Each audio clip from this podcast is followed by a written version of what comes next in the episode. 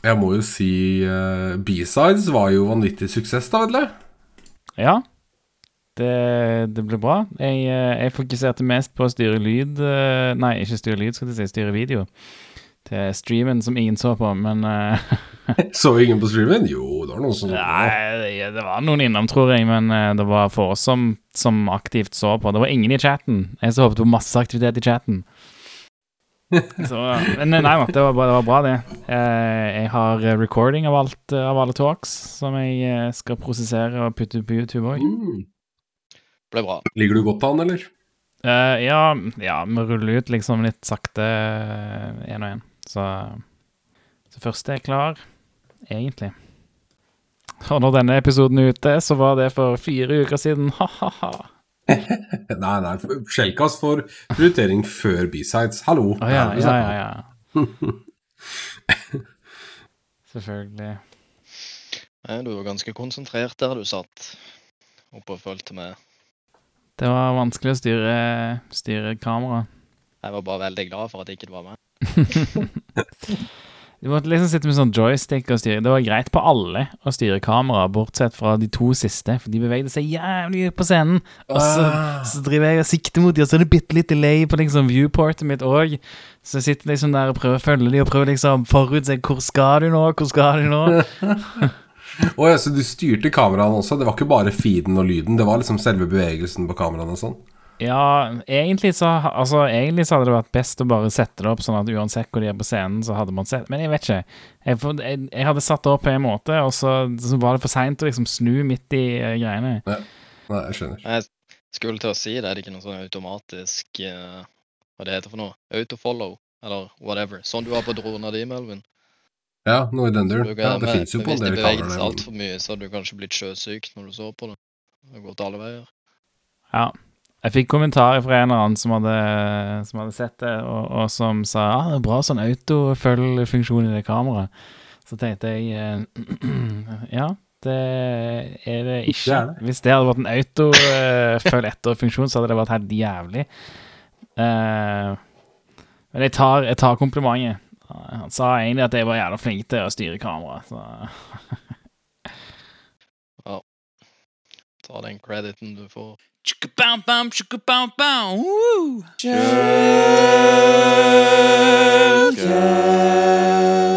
Hei og velkommen til episode 0x32 av Shellcast. Jeg heter Vetle, jeg jobber som pentester. Du finner meg på Twitter som at boreplate. Jeg heter Melvin, jeg jobber som bledtimer. Du finner meg på Twitter som Flangvik. Og der mista vi Nick. det er bra. Når den ene hosten forsvinner midt i introen. Ja. Spent på åssen det her blir. Ah, jeg gikk tom for minnet der, tror jeg. Jeg lurer på om det var memory leak. Et eller annet her. Jeg heter Nikolai, jobber som sikkerhetsanalytiker. Du finner meg på Twitter som at Nikolai Pre. Right. Så uh, først ut uh, så skal jeg bare minne på at, uh, at, det går fortsatt an å kjøpe merch hvis du har sykt på det. det er det Covert som står for, som er der jeg jobber. og som er Eida Martin, som er med på podkasten av og til. der kan du kjøpe kaffekopp eller T-skjorte. eller kaffekopp eller T-skjorte. Eh, så det er òg merch for Norsec der, så hvis du har lyst på Norsec T-skjorte eller kaffekopp, så kan du kjøpe det der. Eh, dette går ikke til, til, oss i det hele tatt. Det, vi donerer alt som eh, er til overs til, til, noe gøy. Som eksempel uh, Kids og koder eller et eller annet sånt. Vi er åpne for suggestions der, altså. Så, så, ja, kjøp eller ikke kjøp, jeg bryr meg faktisk ikke så mye om du gjør Men det er tilgjengelig, så, eh, så go for it. Hvis The best motivation ever. Kjøp eller ikke kjøp, bryr meg faktisk ikke, men Hva slags motivasjon har jeg? Å, jeg får så mye penger av det.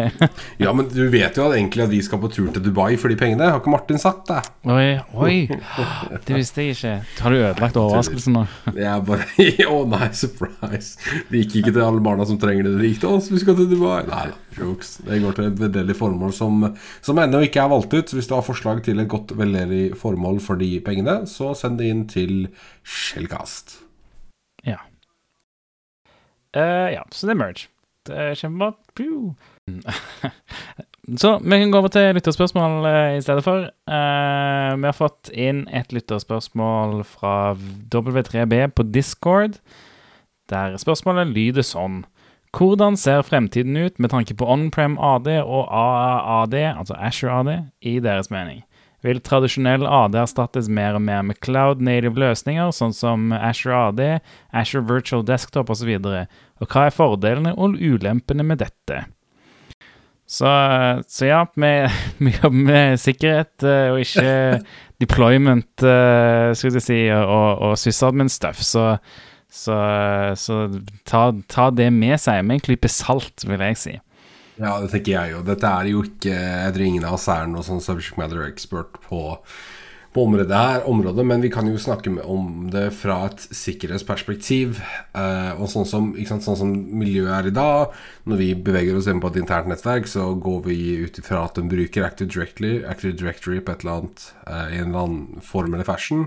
Og så har vi en rekke angrep som er basert på tjenester i Active Directory som vi misbruker. ikke sant? Vi snakker eh, nå nylig da Certificate Authority-tjenester, alt fra liksom bare standard curb roasting, asp roasting, pastor spraying vi, vi, misbruker alle disse tjenestene internt.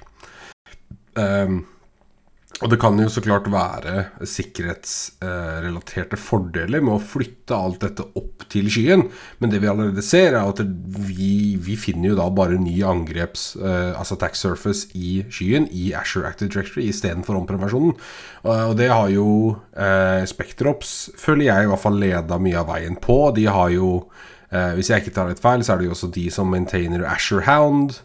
Uh, som er en Asher-twist uh, på Bloodhound. Uh, og så har du jo Hva heter det et eller annet ja, det, det, Jeg husker ikke hva det heter, men det finnes et, finnes et lass med da typisk PowerShell-script som brukes for å avdekke angrepsvektor og miskonfigurasjoner i uh, Asher Active Directory kontra AD. Så jeg tenker det, det kan være liksom forskjeller, ulemper, fordeler rundt det.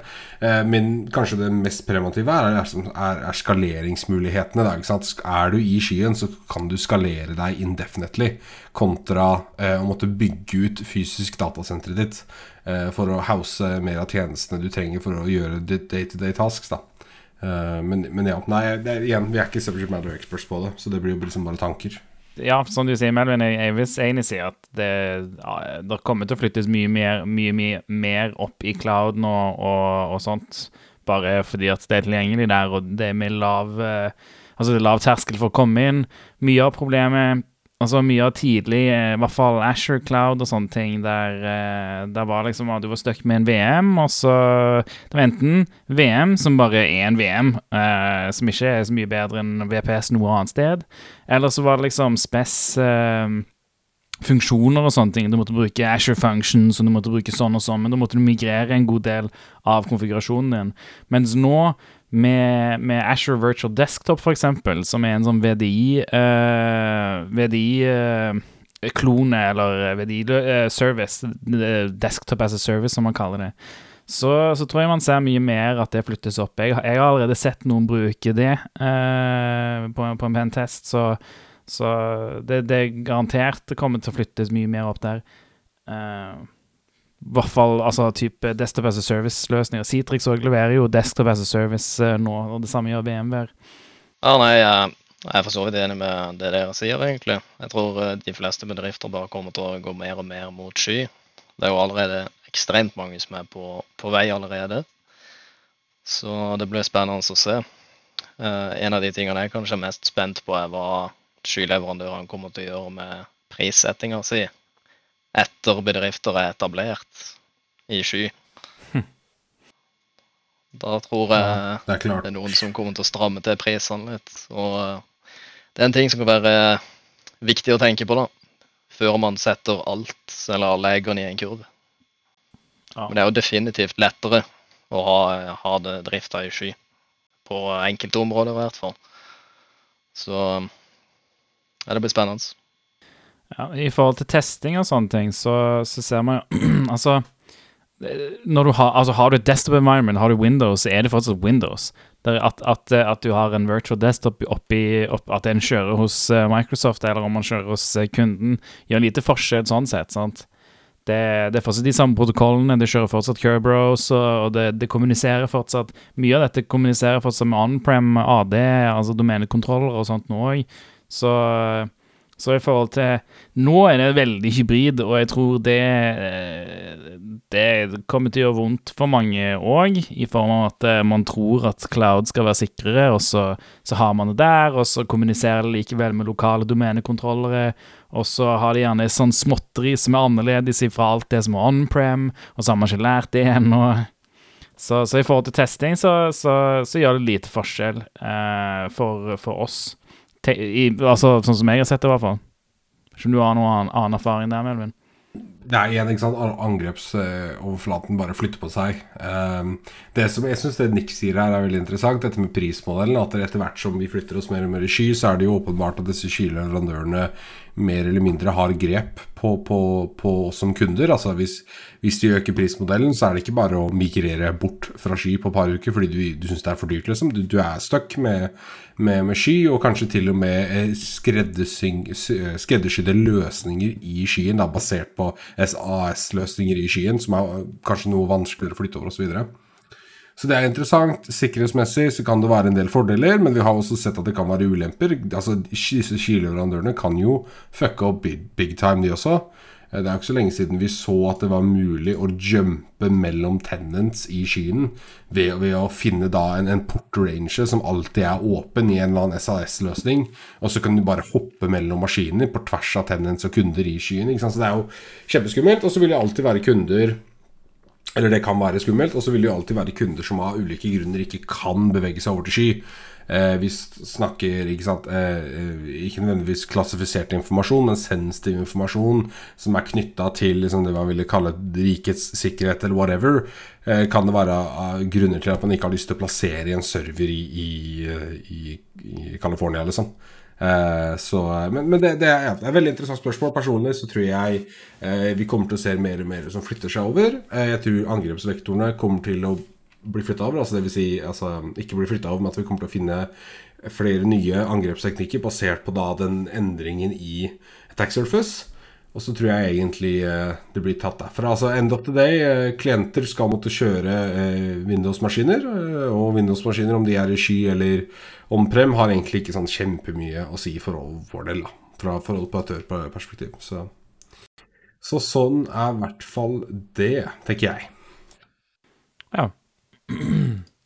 Da sier vi oss svar svart med det spørsmålet, tenker jeg. Eh, så tenkte jeg eh, eh, vi kunne gå gjennom siste posten til Defear Report, som, som, deler en del Som skriver ja, rapporter da, om, om, kunder som de har gjort forensics på etter et innbrudd. anonymiserte rapporter, da. Um, og, og forklare litt uh, Det forklarer ofte Eller det forklarer mye hvordan diverse threat actors uh, gjør, uh, gjør, angrep og sånt. Så jeg, jeg, tenkte det var en gøy ting å gå gjennom på podkasten, på en måte, og, og, kanskje sammenligne med hva vi ser. Eller er dere med på det? Ja, Høres ut som en god idé, det. Kjør på. Ja, så, så dette, dette, er en uh, rapport uh, publisert 6.6, så uh, ja, forrige uke. Og, og, det handler om en, om en sak der, der ja, en threat actor har kommet inn via en sårbarhet i noe public facing software. Og så har de gjort noe movement, og til slutt kommet til domenekontrolleren, og så har de eksfiltrert noen sensitive filer.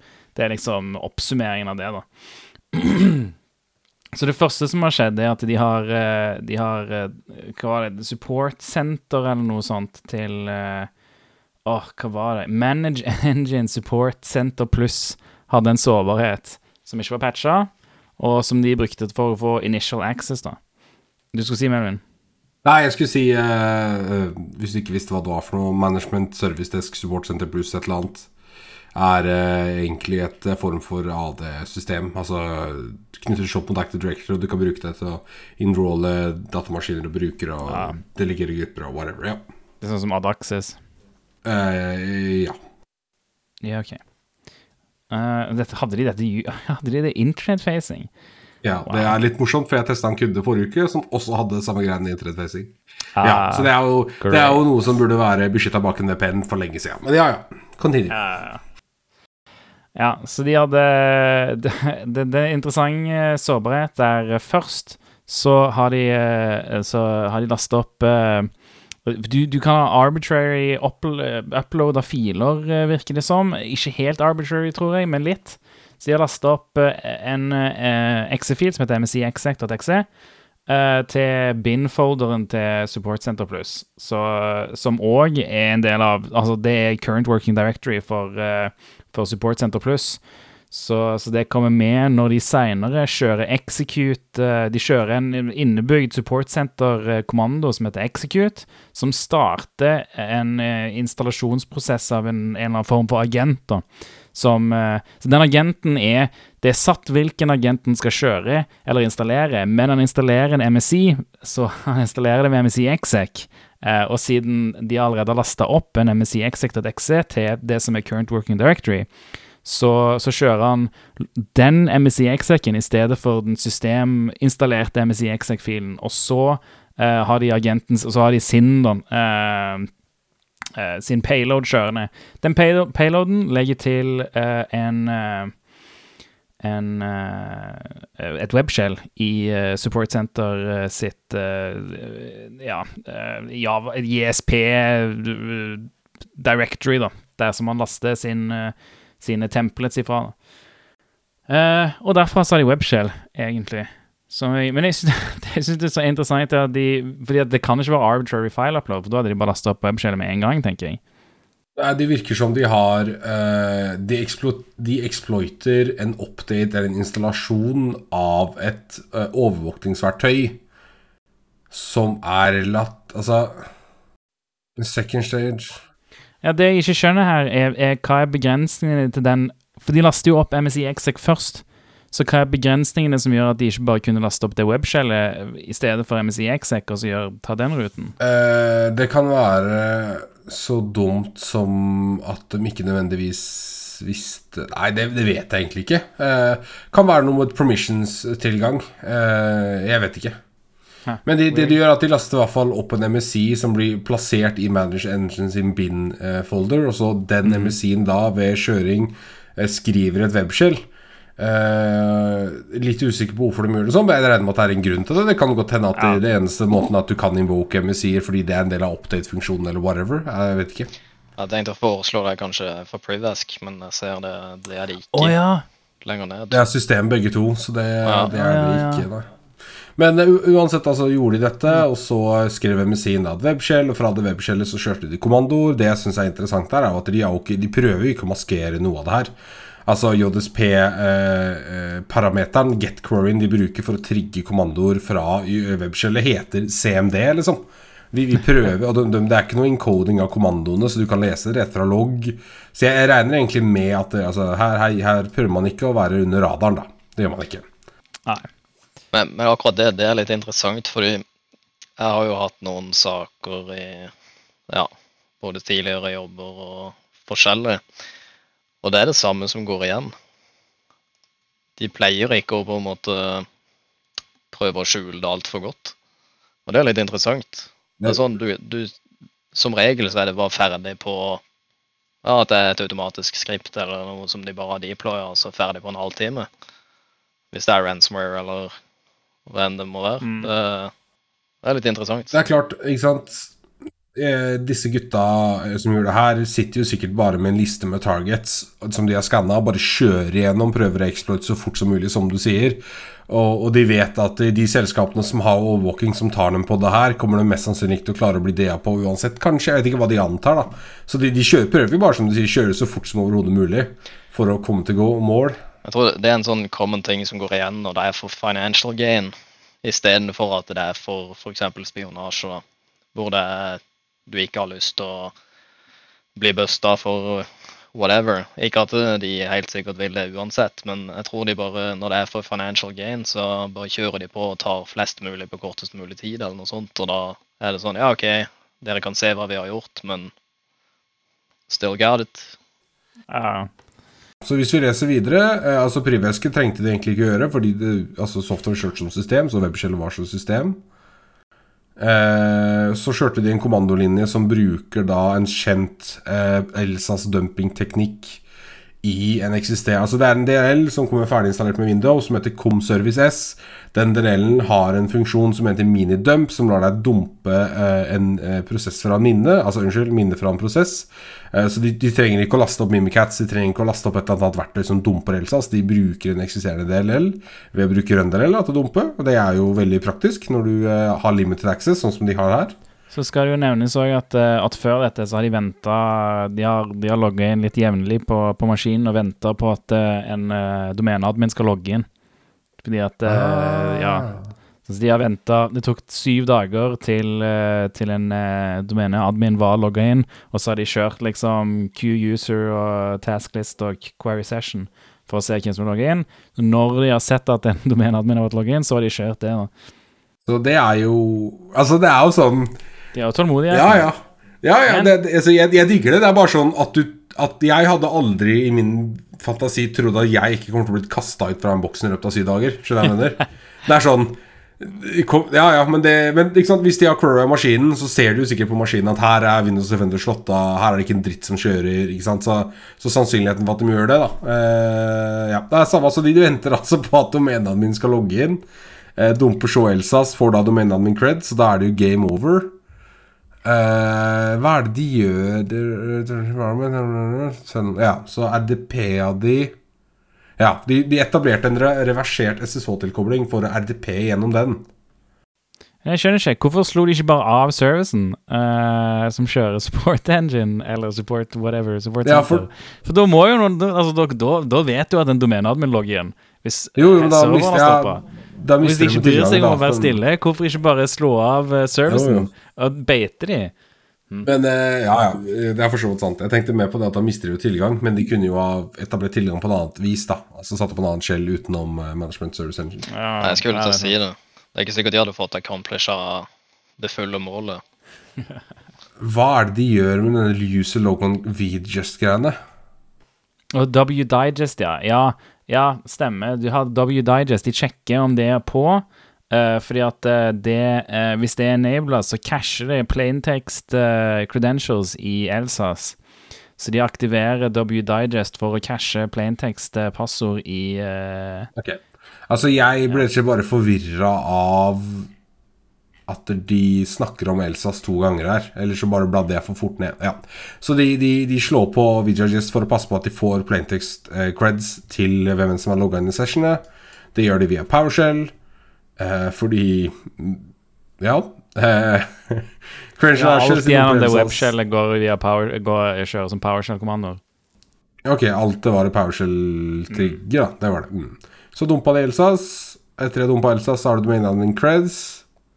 Og da lasta de opp Hva er det de gjør for Har du lest den her? Har du lyst til å forklare igjen den her? For jeg, jeg leser den as I'm sitting Ja, ja, ja. Nei, jeg har lest den. De eh, Ja, de eh, Når de har domenet admin creds, så lager de, begynner de å lage reverse SSH-tunneler og sånne ting for å få RDP-tilgang. Så det er lokal eh, Det er altså en forward, en lokal port, da. Altså RDP 3389. Uh, og så bruker de det til å logge inn på diverse servere frem og tilbake igjen med den domenadminen sin konto. Og så henter de ut, uh, de ut sensitive filer, basically. Og RDP er en legitim natural movement-teknikk som jeg bruker ofte. Altså, I hvert fall hvis du, hvis du, har informasjon som støtter at dette er en server som normalt blir accessa over RDP fra grupper, eller fra brukere i disse ulike gruppene, så er RDP den mest legitime måten du kan gjøre det på, tenker jeg. Eh, så sant, sant, Hvis du kan backe opp dataen med at her er det vanligvis RDP-trafikk. Eh, men sånn i et herda-nettverk, da, en domeneadmin som RDP-er inn på av hvem som helst annen maskin enn en DC, skal sånn i teorien trigge en dette, dette, er ikke greit, for det er ikke sånn du Altså, privilege, altså, uh, privilege delegation between brukere tilsier at du ikke skal ha domeneadmin som gjør noe annet enn å være på DC-en. Da skal du ha andre typer brukere, uh, eller lokal, lokalbrukere via Laps, som, som, gjør disse tingene på forskjellige maskiner. Men altså, ja. ja. Så de setter opp SSH, de får RDP til gang, RDP begynner på masse maskiner, de kjører exfiltration uh, Gjennom webskjellet? Er det det jeg ser? Uh, nei, ikke helt gjennom webskjellet. De bruker De laster opp uh, ecurrent.exe, som er, er renama Plink, som er renama Putty, okay. basically. Så de laster, de laster opp en versjon av Putty, tror jeg. Jeg er ganske sikker på at Plink er en versjon av Putty. Om ikke en versjon, så er det i hvert fall eh, et verktøy som er relatert. Jeg husker ikke helt hva, hva det er akkurat nå. Hva ender de opp med? De ender opp med å få tilgang til informasjon. An attacker was, An attacker was also seen exfiltrating condition, uh, confidential documents used during the RDP session and triggered canary tokens. Ja. UTC Canary Token. Jeg vet ikke hva en UTC Canary Token er. Nei, det vet ikke jeg heller. Det er ikke the, Nei, åh, herregud. Oh my god. Åh, det er tiden. 1959 UTC. Canary Token hit. det er ikke en UTC Canary Token. Hva, eh, hva skjer her nå? Nå, nå, nå, jeg, nå henger jeg ikke med. Jeg, jeg trodde det var Altså, jeg leste nedover timelinen her, på, hvis Ja. du ser oppe på den eh, Ja, oppe ved timelinen, det er ganske høyt oppe, så står det, så står det 1959 UTC Canary Token hit. Så leste jeg bare UTC Canary Token. Ok, ja, og Canary token er da et canary token, altså det vil si en et, hvis, du, hvis denne adressen er blitt trigga, så, så går det an alert. Ja. Så du sier til meg at gjeng- disse har beskytta selskapet sitt med Canary tokens, men Men de kom så langt som de Ok, ja, ja. Ja. Uh, Ja, jeg er jo jo imponert over at de har ikke Altså, de har ikke klart å plukke opp eh, noe av det webshell-greiene, men de har Canary Tokens. Ja, det, det er det jeg tenker òg, det, er veldig fluksuering i modenheten her. At du har tilsynelatende Canary tokens eller noe form for eh, Altså honey eller canary som hvor som helst. Men så har du da ikke Continuous Patch Management gående for den eksternt eksponerte servicedesk-serveren din. Og du har umulig noen form for logging eller alerting, for den El- El- Elsas dump-teknikken der, det er liksom as textbooks as it goes, liksom. Eh, på tvert av brukere. Så det er liksom Ok, så det var litt rart, da. Eh, men, men. Ja, nei, men eh, det, Ja, det er vel egentlig det for, for forhandlingsforløpet, i hvert fall. Så Så hører man jo våre tips, i hvert fall. Ja da, det er mye, mye å ta her. Men det er veldig interessant, da. Å kunne lese disse, disse fulle eh, rapportene eh, på hva som har skjedd, og hvordan faktiske, reelle eh, threat actors går fram. Og det er egentlig noe jeg kanskje gjør skremmende lite. Jeg leser meg sjeldent opp. Og det, det kommer litt tilbake på at jeg er jo ikke emulering, jeg er jo simulering, så jeg har ikke noe forhold til å måtte etterligne noen som helst. Jeg er me attack. Liksom, me attacker, me attack. Det er liksom That's me do. Ja. Eh, og så blir det jo at man bruker ting som er delt, men eh, eh, Skal vi se D8 ute til servers Ok, bla, bla. Nei, men, men det er veldig sant. Det er veldig interessant å lese. Det, de, de publiserer en RSS-feed, så eh, bare til å legge det inn i RSS-leseren din. Eh, det er thedefearreport.com. Det står selvfølgelig og i shownotes. Men jeg anbefaler det mye. De poster type en gang i måneden, ser det ut som. Uh, noen ganger oftere. Så, så ja, jeg vet ikke om jeg skal ta opp dette jevnlig. Jeg syns det, det, det kan være interessant å se på, i hvert fall hvis ikke alt er likt hele tiden. Det syns jeg kan være veldig interessant. Det her var jo litt ulikt, da. Det her var jo ikke Åpne opp Bing og laste ned Mimikats. ta så Ta så gønn på videre. Jeg skal bare løpe opp og hente meg noe mat. Bare kjør på. All right. Første nyhet ut er en eh, Ja, det er en sak om en uh, ja, Det er Nidaros.no skriver en familiefar som dropper på natta og hacket seg inn på folks kontoer. Eh, om dette og eh, Jeg tror adressa.no har beste, beste nyheten her, egentlig, som heter Jakten på maks, men det er en plussak, så den har ikke jeg tilgang til. Uh, men det saken handler om, er en eh, Det er en uh, fyr i godt voksen alder som uh, har barn og greier, som uh, Nidaros.no påpeker en familiefar. Men jeg mener det har vel ikke egentlig så mye å si for en hekkesak om man er familiefar eller ei. Uh, men, eh, men han har da funnet noe passord på Basically, da, så har han funnet passord i, eh, i pa, Altså lekka i passorddatabaser. Eh, og, og så har han brukt de til å logge inn på folks eh, kontoer uh, uten at de vet det. Sånn type Facebook-kontoer og Snapchat og Cloud-kontoer for å laste ned bilder, da. Det er hovedsakelig regner jeg med. Uh, flesteparten av, uh, av uh, de Hva heter det? Victims Hva heter det på norsk? Når man er, har fått gjort noe mot seg. Offer? Offer, takk. Ja, Og var det, har du bare glemt det norske ordet? ja, det er vanskelig av og til. Norsk, norsk Uansett, poenget mitt var at de fleste de er kvinner. Jeg tror det var noen menn her inne som, der han bare følte han kunne, I guess. Uh, Nei, det er jo en uh, Hva skal man kalle det? Spesiell hobby, kanskje. Å sitte med på natta. Men Ja. uh, når var det den artikkelen var ifra? Var det noe nylig, eller var det noe som har vært noe eldre? Eh. jeg bare tenker på tofaktor. For jeg føler nå i dag så er jo nesten tofaktor på absolutt alt. Så jeg, ja, dette er er nylig. at eh, han Men dette har skjedd over flere år, da. Ja. Så, så, så det har nok vært i, i en periode av tofaktorutredning. Og dette saken kommer opp nå fordi at, eh, fordi at han nylig ble dømt.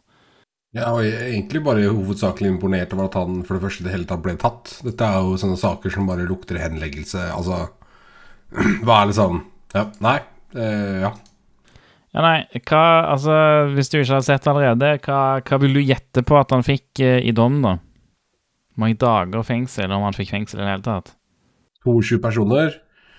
Eh, u, altså tilgang, uaktsom tilgang, eller hva det er for noe. Nei, altså maksen er vel to år, da, ut fra alvorlighetsgrad. Jeg tipper han fikk 30 dager eller noe. 60 dager, kanskje. Toppen. Oi. Nei, det var jeg tipper mer enn det, tror jeg. Hvis jeg bare skal gjette Det, det, før du sier noe, Nick, det som er viktig å påpeke her, er at han skriver jo Han valgte å bryte seg inn av ren nysgjerrighet. Så intensjonen hans var jo ikke å ødelegge for disse her eller forårsake omdømmetap eller noe sånt noe. Så det han har krenket, er jo egentlig privatlivet til folk, på en måte. Ikke sant? Det blir det samme som å eh, gjemme meg utafor vinduet på soverommet ditt og hører på det. Altså, det blir, ikke sant? Det blir noe i den duren der, da. Så jeg Jo det er sant. den, hadde, sant, han- hadde han utpressa dem for penger, da, eller forårsaka omdømmetap ved å true med å legge ut bilder av dem som gjør ting, eller noe sånt noe, helt annen skala. Men nå er han ren, ren nysgjerrighet, da. Egentlig jeg er jo ikke uskyldig. Det er jo ulovlig, og det er jo dårlig gjort å krenke folks privatliv på den måten der. Jeg hadde blitt for, fly forbanna sjæl, ikke sant, men dette er jo type ren nysgjerrighet. Han hadde jo ikke veldig onde intensjoner her, da. Litt sånn Egentlig bare en creep, på en måte. Jo da, nei, det, er- det er sant, det, Mølven, men uh, må også huske på at uh, loven er ganske firkanta på sånne ting. Uh, bare fordi det, er- det er sånn loven må være. Så om han på en måte ja, Selv om det kanskje var nysgjerrighet, eller hva det var han gjorde, da, så er det jo fortsatt noen definerte regelbrudd som er begått. Jeg tror han fikk Hva, hva tror du, Nick? Et år et, et sted mellom et halvt år og et år, tipper jeg. Ja, hva, fikk- hva var det? Fikk 90 dagers fengsel. Så ja. jeg vil si Melvin var nærmere. Ja. Men det var litt strengere enn det Melvin trodde. Men altså, du bryter deg ikke inn Du bryter deg ikke inn hos tju- eh, altså, eh, 22 forskjellige personer med samme dumme, kjedelige teknikk av ren nysgjerrighet. sant? Første Jeg er enig jeg, jeg kan si meg enig i at som, eh, som akkurat som når du er liten og barn, så har man gjort sånne ting, skulle det si. sant? Det er liksom Da er det ren nysgjerrighet. Og da, da de, gjør du én eller kanskje to ganger. Det er sånn første gangen å, Wow, så kult. Jeg kan, bare, jeg kan bare logge inn hos andre med deres passord. Det er det sjukeste. sant? Og så Og andre gangen så, så, så kan det være sånn Funker det, funker det hele tiden? Å, kan jeg logge meg over inn overalt med andres passord? sant? Men etter det, når du kommer opp i 20 personer, da er det sånn mm, mm, Da er det bare Da, da ser du etter noe. Da, da har du et mål. Da går du inn for å finne noe spesifikt som du vil ha ut ifra det. Da er det ikke bare ren nysgjerrighet lenger. Nei, vet Vetle, det kan jo hende At han bare var veldig nysgjerrig.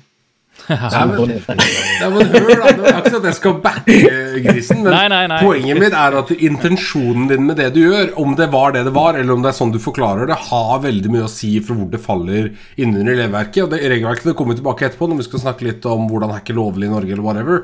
Men altså, han oppbevarte masse digitale bilder. Han er egentlig bare en grisete snoop. Ikke sant, Som hacka seg inn på eh, personer eh, to forskjellige, eh, 22 forskjellige personer sin digitale kontoer. Lasta ned masse bilder av gud vet nordmenn liksom, ikke sant? Så, men det er, det er ikke bra. Jeg sier ikke at han Å, alle gjør jo det på fredagskvelder og er nysgjerrig. Det er ikke det jeg sier. Jeg sier bare det, da. Det, den intensjonen der og blackmaile dem, eller altså, på andre måter forårsake eh, økonomisk tap eller ungdommetap, eller sånn type ting, er liksom da, da kommer du på den årstida, og da har du liksom Ikke sant? Så jeg sier, jeg sier ikke at det er bra, jeg bare sier at det er en ganske liksom, Det er en linje, da. Var intensjonen bak det. Men det er, det er helt for jævlig, liksom. Det er jo ikke, det er ikke bra i det hele tatt. Jo, jo, jeg skjønner hva du mener. Ja. Det er helt sant. I alle andre saker også ser du jo på intensjonen hva du egentlig ja, har gjort, da, eller hva, du, hva som var planlagt å utføre, eller whatever. Så det Nei, det er helt sant. Men ja, det, det, det, er, eh, det er trist hvor, uh, hvor enkelt uh, det er, og det, det er kjedelig hvor Altså, det er ikke hacking. Det er i noen form av ordet. Det er bare datainnbrudd, egentlig. Som ikke er det samme. Hvis du Jeg har lyst til at hacking skal være noe kult. Det er liksom når du tar teknologi og bøyer det til, til å gjøre noe for deg, noe nytt. Ikke det noe, det er noe sånt ish-definisjonen var? Jeg er, jo, altså, jeg er jo egentlig imponert over at han i hele tatt ble tatt. For dette er jo sånn type kriminalitet som på mitt syn liksom aldri blir fulgt opp noen gang juridisk, og som blir henlagt så fort du ringer og klager på det. Sånn, sånn i grunnen, da. Sier ikke at det er negativt, det. altså jeg sier ikke at det, det er bra, liksom, men, men eh, ja, litt sånn interessant at det, at det er en mann som har blitt tatt for det i det hele tatt. At det ikke var liksom 100 personer at han hadde utført blackmailing på dem. Det hadde jeg skjønt hadde vært en sak som de hadde Altså, jeg prøver ikke, prøver ikke, Det høres ut som jeg prøver å downplay det her som en sånn casual greie. Jeg gjør ikke det. Jeg bare sier at det, Nei, nei, det er liksom det er sånn, dette, dette er jo henlagt mat eh, 101, liksom.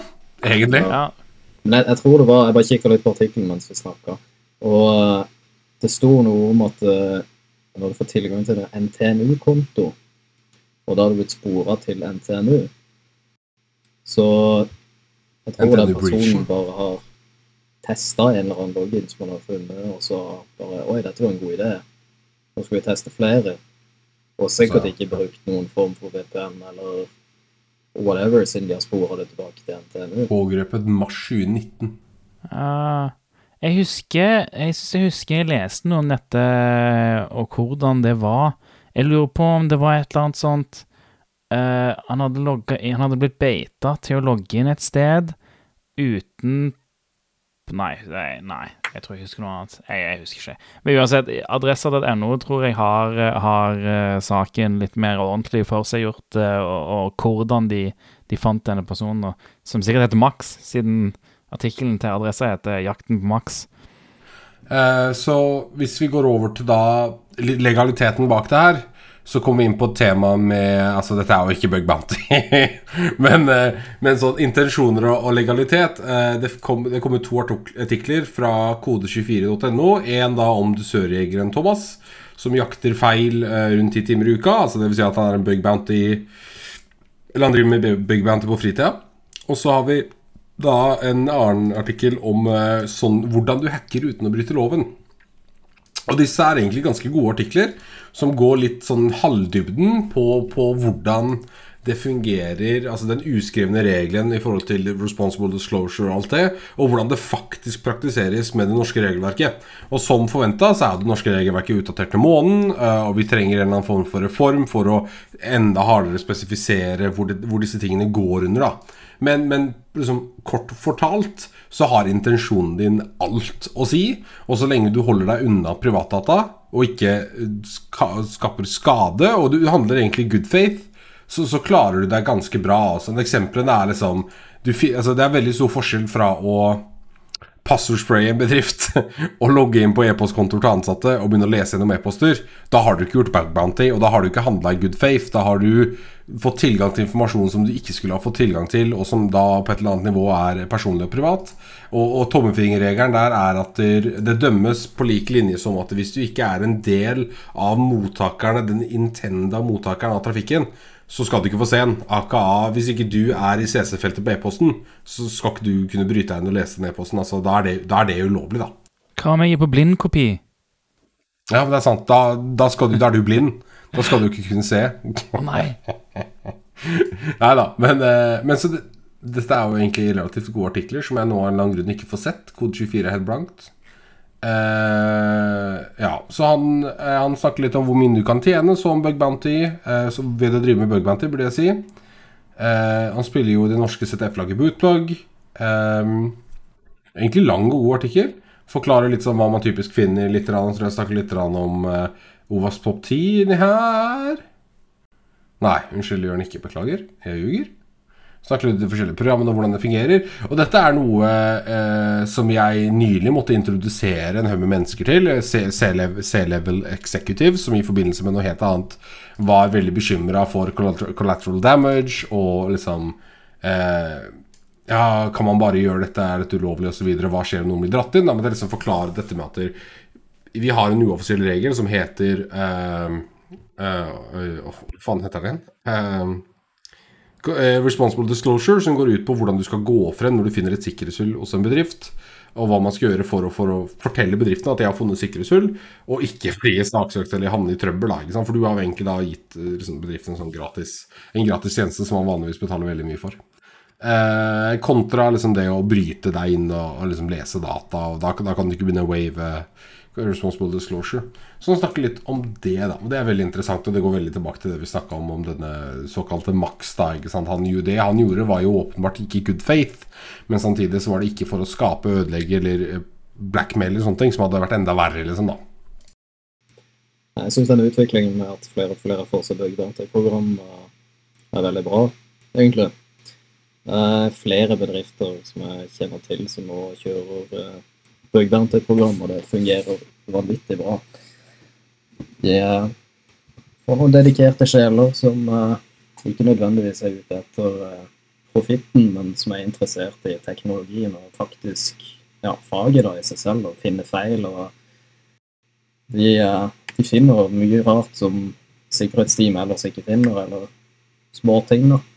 Dette går tilbake til Jeg er helt enig med det du sier. Dette går litt tilbake til dette med at sikkerhetstester, eh, i hvert fall sånn klassisk interntest, eksterntest, webapp-test, er veldig tidslimitert, altså tidsbasert og, og skrumpa inn. Så det er liksom fins begrensninger for hvor mange dypdykk du kan gjøre i forskjellige deler av applikasjonen på en uke. Eh, Men når du driver med bug bounty, så har du den friheten. eh, Til, til å liksom finne det, det du har lyst til å Altså gjøre mapping og finne disse, disse angrepsoverflatene som kanskje ikke alle andre har fått med seg, De har lyst til å titte på. da så for gigantiske bedrifter De fleste store bedrifter, i hvert fall i USA, har jo et bug bounty-program. eh, Og av gode grunner. Altså Det er jo vanvittig billig arbeidskraft, sånn egentlig, hvis du tenker på det. Se for deg å ansette to sikkerhetskonsulenter som skulle gått i tre måneder og se på applikasjonen din, mens du kan få flere titalls til å gjøre det i løpet av et år gratis. Fra vanvittig forskjellige perspektiver og bakgrunner. Så det er helt genialt, altså. Ja, ja, i, i tillegg til at de gjør konkurranse ut av det. Som gjør at folk har mer pågangsmot enn det de kanskje ellers ville. Jeg tror også vel når du har interne tester Selvfølgelig, eh, du må jo ha Eller det er viktig å ha det òg. Men at eh, når de har testa x antall applikasjoner eller den samme applikasjonen så så mange ganger, at de kanskje ser seg litt blind på de andre mulighetene. da. Men hvis du er, kommer fra utsida, så leter du etter det du kan finne, gitt at det er innenfor scope, i hvert fall. Og plutselig så finner du noe som er oversett, da. Det ja, skjer til stadighet. Helt klart. og jeg, Nå har ikke jeg ikke drevet med bug i det hele tatt, eh, men jeg leste en artikkel om det, og der eh, Jeg leste en artikkel om det, så nå er jeg sånn expert. Nei, det jeg prøver å si, er at jeg tror, basert på det jeg har lest, at jeg tror mye av clouet til å være successful i bug bounty er å uh, skikkelig gjøre skikkelig godt grunnarbeid når du mapper angreps... uh, altså attack surface. For å finne de API-ene og endepunktene som ikke alle andre ser på. For 90% av skopet ser alle andre på. Og eh, liksom Du skal ikke si alt er funnet, da, men det er sikkert mye vanskeligere å finne hullene hvis du skal tjene penger med Bug Bounty, enn å den, finne de siste 5% av attack surfacen som kanskje bare 10 andre prosent ser på. Der kan du kanskje finne mer, da. Og Det tror jeg han eh, Thomas snakker litt om, at han gjør grundig automati at han gjør grundig automatisert arbeid eh, mot bedriftene før han går inn manuelt. Eh, han sa det et eller annet sted her, jeg bare klarer ikke å finne det igjen. Men eh, jo eh, eh, Ja. ja. Jeg, har, jeg har drevet med dette en stund og har et par automatiserte jobber som konstant går i bakgrunnen og samler informasjon, slik at når jeg faktisk velger å investere litt tid i et program, så har jeg som regel samlet inn informasjon om programmet via automatiske jobber før jeg gjør dypdykket. Ikke sant? Så han automatiserer den delen der han mapper ut attack surface-biten, og så velger han ut, da, basert på det han finner eh, hvor han skal gjøre angrep. Høres ut som en veldig bra pro-tip. Jeg tror uh, Ja, det, det, det forarbeidet eller grunnarbeidet tar vanvittig mye tid hvis du skal begynne ja, Jeg si at ikke du automatiserer nå. Så ja det, Automatisering er nok the way to go der. Kan sikkert ta flere targets, altså byggvern til ja, bedrifter som har byggvern til program samtidig òg. Så kan du, når du finner noe, teste den samme mot andre du har funnet samme findings hos. da. Kan du slå to fluer i en smekk, f.eks. Det er også noe jeg har sett på Twitter, at når det kommer en ny teknikk, ikke nødvendigvis en exploit, men en ny approach, så kjører man det over alle programmene man har vært borti før. Man går tilbake og ser på informasjonen sin og ser kan jeg bruke dette her. Uh, og Det er jo kjempenyttig. ikke sant? Så bare raker man opp, så er det førstemann til mølla med å submitte, submitte bug og få bounty-en. Så jeg syns konseptet er genialt. Uten tvil. Ja. Jeg syns det er ganske nice. Det, det er én ting som er på en måte ikke fullt så nice med det. det, det du slipper unna hvis du ikke har et fullt offentlig program. Hvis du har et Hva skal en si At du bare slipper inn det du har lyst til at skal drive med bug bounty. Så slipper du å få de såkalte bag bountyene. Ja, det der er folk har eh, Ja. Det er enkelte som er veldig Som bare er ute etter pengene, da. Som har funnet, funnet en rapport. Lager en lik rapport hos deg fordi de har funnet noe som ligner. Og så severity critical, og så please give me the money. Jeg har lest det. Det er mange som basically bare Som ikke, ikke vet hva de driver med. Liksom Åpner opp F12 og injecter litt javascript og claimer XSS, liksom. Eh, Self-XSS. Ja, altså det er, det er mye tull, da. ikke sant? Så det er jo noe av Det har vært sånn, det er jo en debatt innenfor bug bounty-miljøet. At det liksom, vi får så underbetalt, og det tar så lang tid å svare. Og så svarer de at det er fordi vi får så sjukt mye møkkhenvendelser. Så det er så vanskelig å filtrere bort alt. For de, de må jo bekrefte det, ikke sant? Ja. De kan jo ikke ignorere det. Det går jo utover hele konseptet hvis de ignorerer fordi det ser useriøst ut. eller sånn Men det positive med å være på en bug bounty-plattform istedenfor å få de henvendelsene på e-post, det er at eh, Og jeg mener dette sånn det er. at eh, La oss si du eh, har registrert bedriften din på HackerOn eller Bugcrowd eller Integrity eller noen av de andre. Så mener jeg de har et eget team som vetter rapportene før, de, før du faktisk får de da. Sånn at ikke du får de bullshit-rapportene. at de, blir rejecta. Så da slipper en, Hvis en får høyt volum med det, da, så slipper du det. Absolutt. Såkalte private programmer der de kun slipper inn reputable eh, bug bounty eh, Altså eh, hva- De som utfører bug bountyene, har de et Bug Bounty Hunter. Nei. Ja, hunterne. Der de kun velger ut hvilke hunterne de vil ha i programmet. Vi hadde jo et norsk ord for det. det var, Dusørjeger. Dusør- Dusørjeger, ja. Slipp inn dusørjegerne. Å gud, norske ord, altså. Herregud. Det er det Men det som òg er interessant, eller det som er veldig positivt, er at eh, du kan tenke back in the day, så var det typisk at eh, ja, old school-hackerne de hacka en bedrift, og så fikk de et jobbtilbud. Og så gikk det mer over i den der at Å Oi, nei, hackere de, de liker det ikke. Så selv om folk ga beskjed, så var det sånn Nei, da saksøker vi det heller. Og nå er det gått over til at eller den samme jobben, er en positiv ting via bug bounties. da.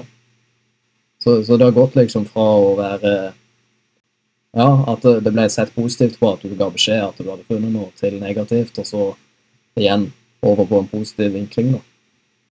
Ja.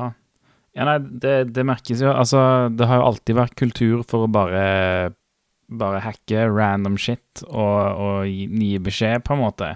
Det har eh, Det tror jeg eh, har vært, eh, vært en ting siden IT starta som fag, liksom. Så, så det er jo Det forsvinner jo aldri. sant? Du, du vil alltid få random folk som bare hacker bare for gøy, uh, og nå har de et outlet for å i hvert fall si fra trygt, og kanskje få betalt for det i tillegg. Uh, så, så, så det, det er jo å kapitalisere på at folk gjør det allerede, og i stedet for å punishe, så, så gir du dem en god reward. Høres ut som en eh, win-win. For, eh, for gigantiske selskaper så er private bug bounty-programs fuckings gold, altså. Mm. Uh, og vi kan tenke at det å få 50 000 dollar eller 3000 dollar for én feil er ganske mye. Men hvis du begynner å gjøre regninga da, på hvor mange timer du måtte ansette konsulenter for å teste appen din for å finne samme feilen, så, så altså Vi snakker brøkdeler, altså. Når du har bugbounty-programmer, så har du basically konsulenter som jobber gratis døgnet rundt, og som ikke får betalt før du finner noe. Det, det er liksom at, eh, ja. Så det skulle bare mangle at det er en ganske høy altså det, Du kan få vanvittige summer fra bugbounty, liksom. Det er mange som lever helt vilt godt på bugbounty. Det er risky, men du, du kan fint gjøre det, liksom. Og det, det er ikke en uh, rask vei til å få penger. I, Nei, det er ingen det. skal villedes og tro at bug bounty er sånn her, Oh my god, for jeg hacker og jeg tjener masse penger. Det, det Hadde tatt, eh, hadde tatt jobb, fast jobb over Bugant igjen i day, men det er veldig mange som er flinke, og som, som klarer som, sant, så, som eh, Ja, sånn det er akkurat som han, skuespillere. eh, Det er mange skuespillere Ja. som tjener masse ja. penger, men Jo, det er det er mye sånn. flere skuespillere som tjener ingen penger. Nei, det er helt sant. Himi, Mange flere av dem. Så det er sånn som, sånn som Thomas, da, som, som har automatiserte prosesser som gjør grunnarbeidet. Det er den type approach som gjør at du kan være viable i å tjene penger på Book Bounty. Og sette seg ned plutselig en fredag Altså Jeg sier ikke at det ikke går, det er noen som gjør det òg, men det er som Vette sier, så normalt. Uh, ja, nei. Men det, det er i hvert fall eh, veldig kult, og jeg tror det er gull verdt for store bedrifter. Og selvfølgelig med erfaring, så vil du som alt annet. Det, det er litt som hvis man holder på med CTF-oppgaver. og Du har eh, drevet med CTF-oppgaver i så og så mange år, og du har sett veldig mange forskjellige varianter av ting. Da vil du se mulige skal man kalle det løsninger enklere, da. Som alt annet. Eh, klart. en annen kommentar bare på kostnaden og sånt til det du med- sa, men nå tenker jeg La oss si at uh, en APT-gruppe eller noen andre hadde funnet den sårbarheten som en bugbounty personen ville funnet. da. Kostnaden det hadde vært på bedriften dersom det ble utnytta og det gikk skitt. Den er også verdt å ta med i, i den beregningen. Uten tvil. Så ja, siste sak handler om at uh, ja, en, en eh, general i NSA uh, svarer på at uh, ja, USA gjør offensive cyber operations i Ukraina. Så jeg har skrevet USA bruker Ukraina som cyberslagmark. Eh, for jeg syns det var veldig morsomt. Cyberslagmark. Er ikke det kult? Den nyheten kommer veldig samtidig som at den andre nyheten med Det var, det var et eller annet organ i USA som eh, godkjente en ny regel med litt det samme som vi snakka om i stad, med bug bounties. At det er, så lenge det er good Ja. faith hacking, så Ja. USA inn i Ukraina, good faith. Ja, ja de endra den der eh, Hva var det de endra den loven uh, Computer and Misuse Abuse Act, uh, et eller annet. Ja, jeg, jeg husker ikke helt hva det heter akkurat nå, men uh, skjønner vi det nå. Ja. Ja. ja, men ja. Nei, det, det er vel gjerne ikke så overraskende eh, Eller, eh, jeg vet ikke hva jeg skal si om, om denne saken her. USA Jeg, jeg, jeg syns det er litt rart at, at man kan drive offensivt eh, At USA kan si sånn Hei, hei, vi angriper dere på daglig basis. eh, alle IT-systemer og, og greier. Vi bare, vi bare angriper IT-en deres.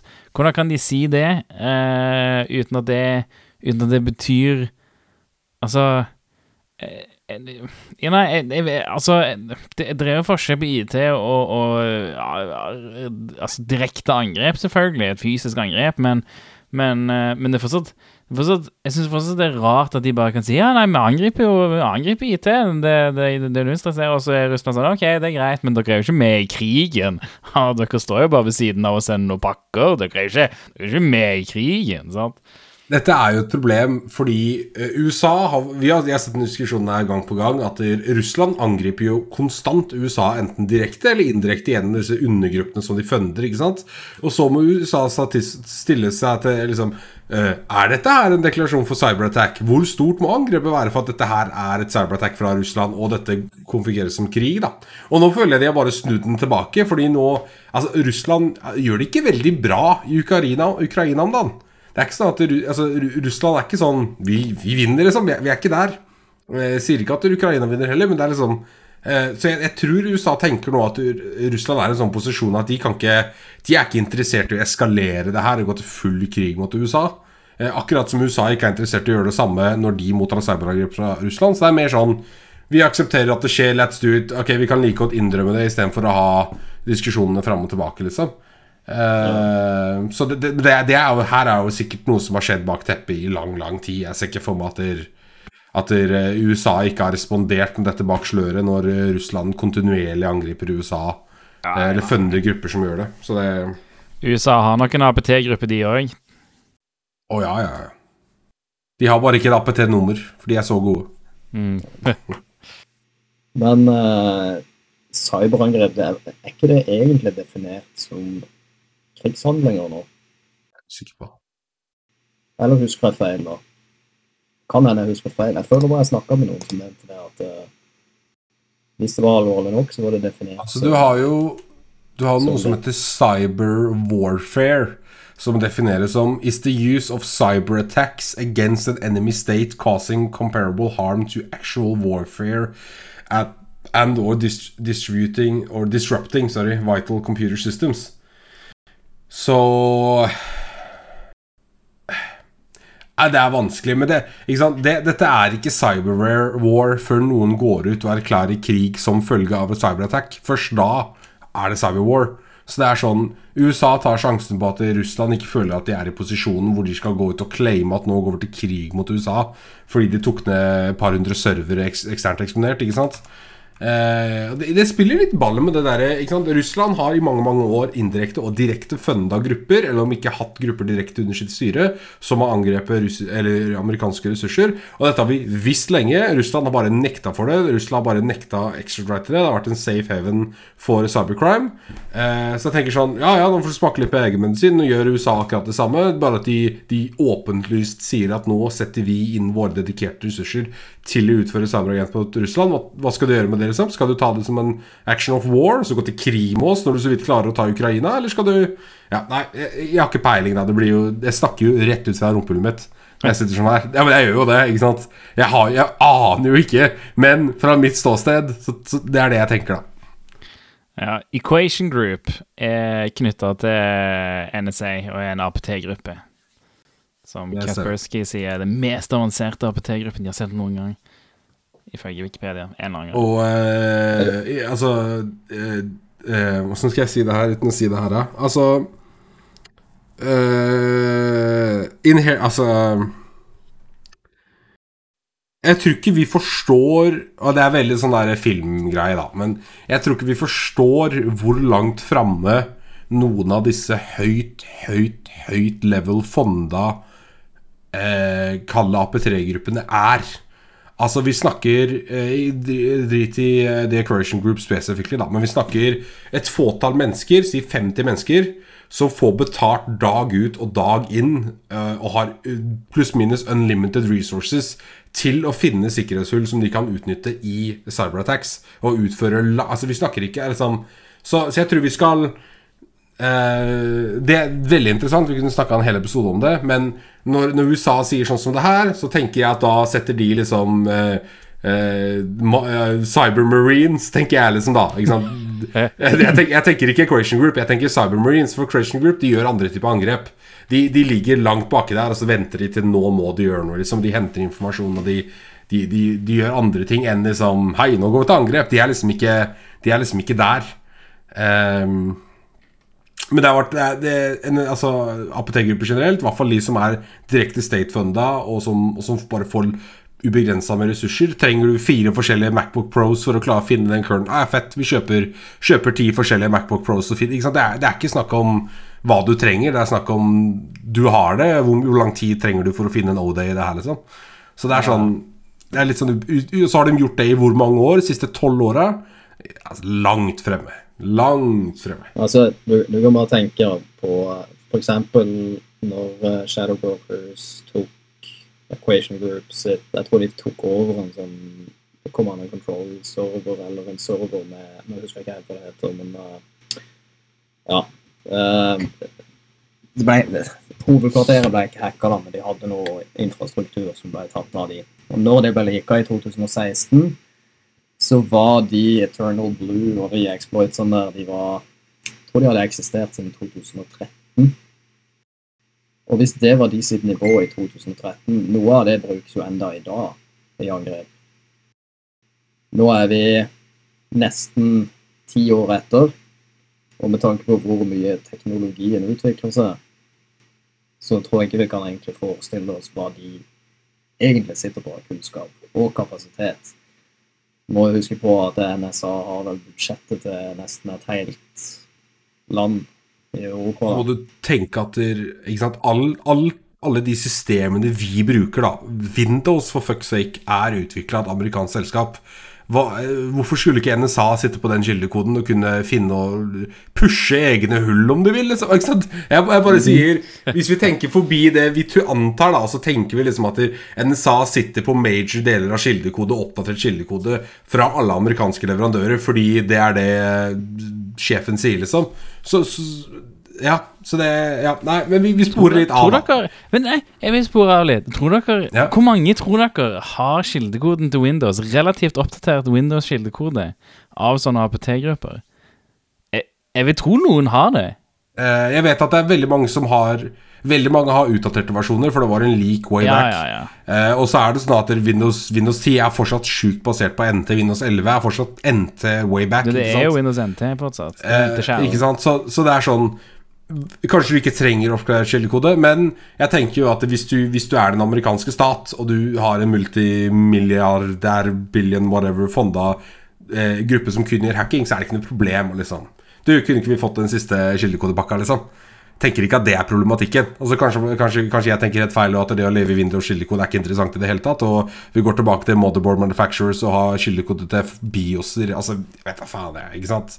Det blir sånn Jeg snakker rett ut av Aner jo ikke, men jeg, jeg vil jo tenke meg det, da, at hvis jeg er det øverste elementet i, i eh, byråkra byråkratiet i USA, og jeg har denne gruppa, og jeg vil bevare nasjonale interesser, så er det ikke noe problem å få tak i alle disse tingene fra hoved, altså, hovedselskaper i USA som produserer det, liksom. Ja, det vil jeg tro. Jeg vil ikke, jeg tror, jeg vil ikke Ja, tro det Microsoft har vært sånn ah, vær, vær, her, vær så god, NSA, ta kildekoden. Det nekter jeg Nei, å de tro. har, de har nok ikke det. De har nok holdt litt igjen. Hvis de, Jo, det tror jeg. Det tror jeg. jeg tror alle holder litt igjen, men samtidig, så når det kommer til et visst punkt og På, kanskje, de- kanskje Microsoft Altså- ikke trenger å si det, kanskje bare NSA tar det? Ja, til gjengjeld sånn, så hadde du det Prism-opplegget som eh, en haug med selskaper var med på, og som ikke sa ifra til eh, kundene sine. Så jeg vet aldri. Det, jeg tenker at det, det er eh, det absolutt sånn inner circle-avgjørelser som, eh, som ingen trenger å vite noen ting om. Så det tenker jeg. Men apropos det, siden vi allerede sporer det å ikke vite noen ting. Det er sånn åh, Jeg merker jeg blir litt butthurt, for jeg, jeg liker å ha kunnskap om mange ting. Kjenne til ting. Spesielt jeg syns er interessant med f.eks. APT-grupper, fordi du hører så sjelden om det. F.eks. Shadowbrokers-leaken. Det var jo bare wow, goldmine med masse forskjellig. Nå får vi se hva, hva slags kapabiliteter de har.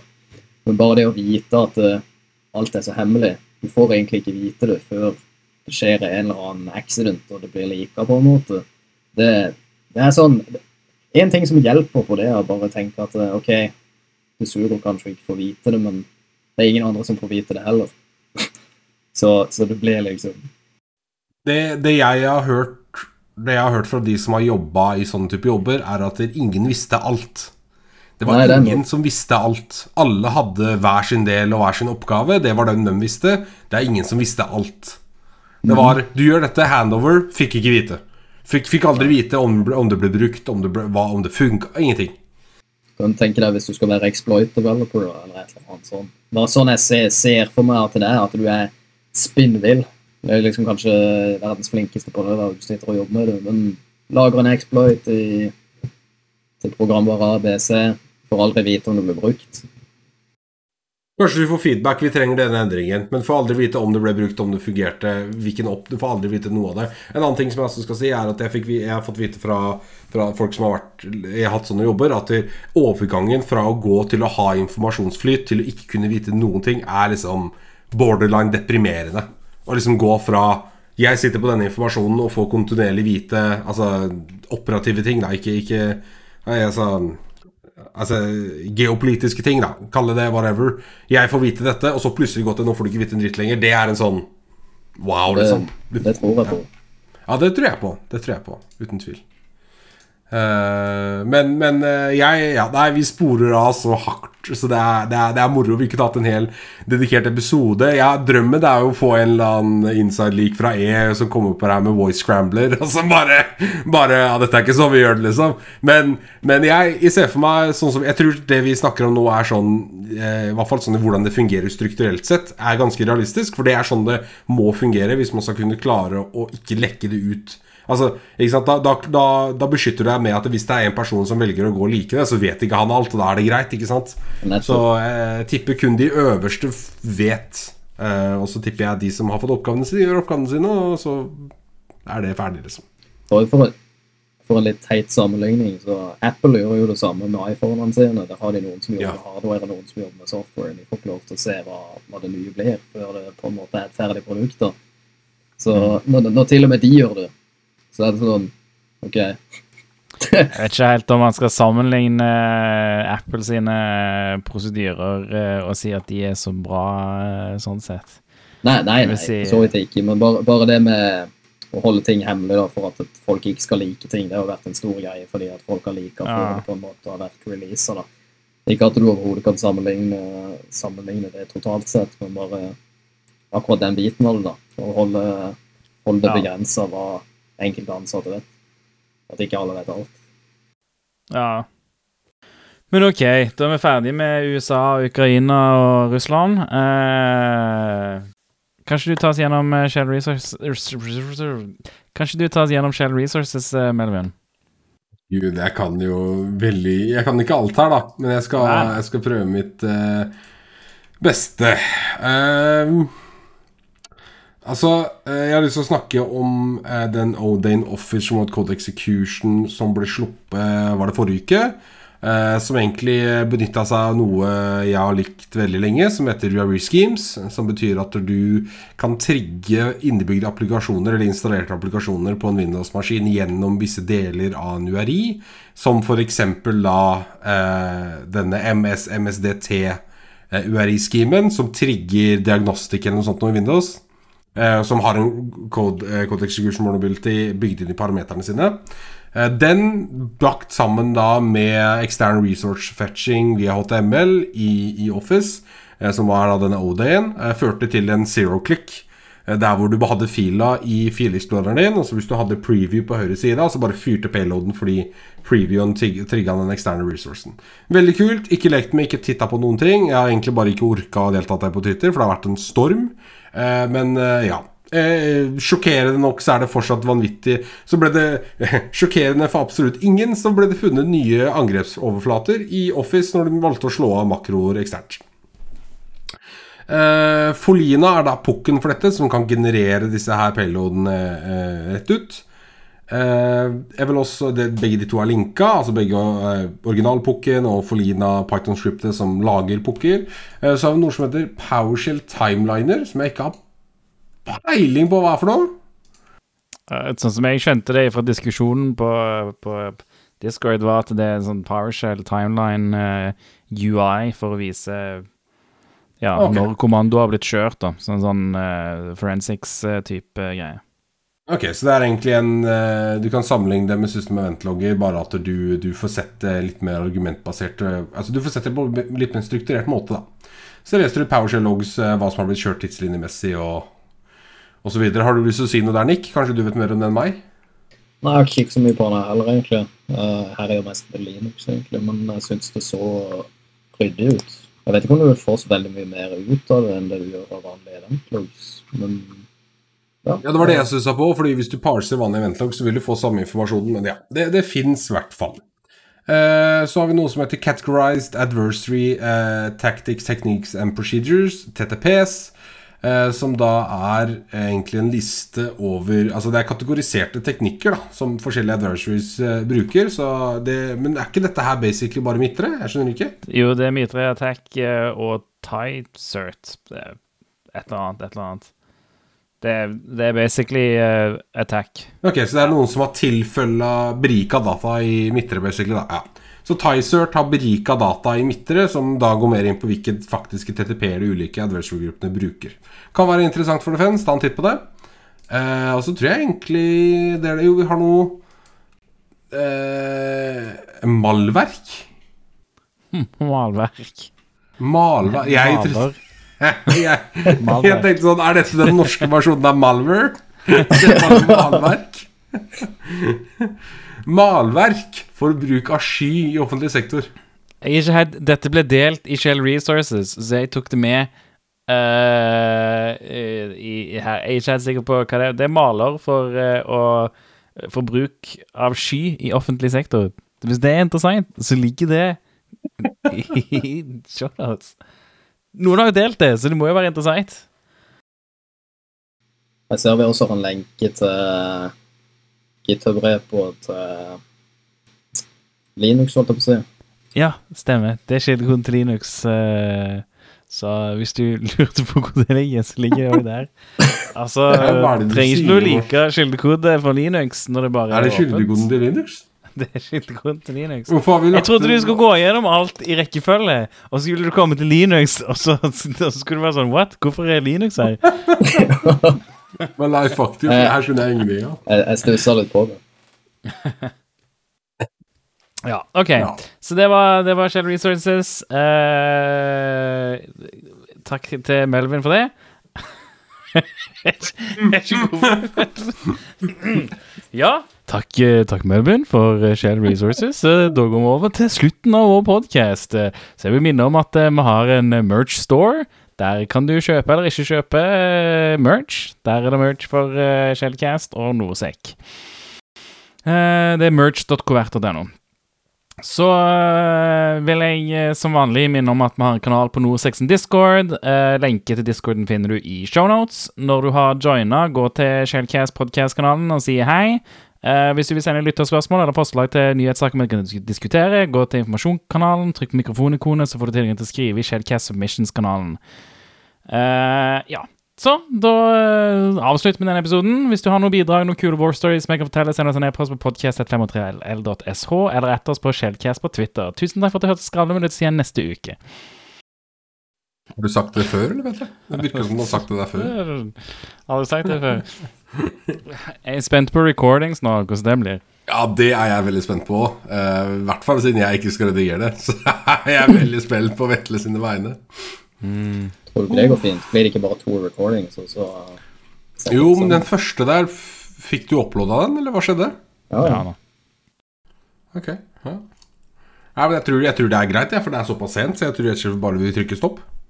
ja det kan vi gjøre. Hei, er. Hei, Música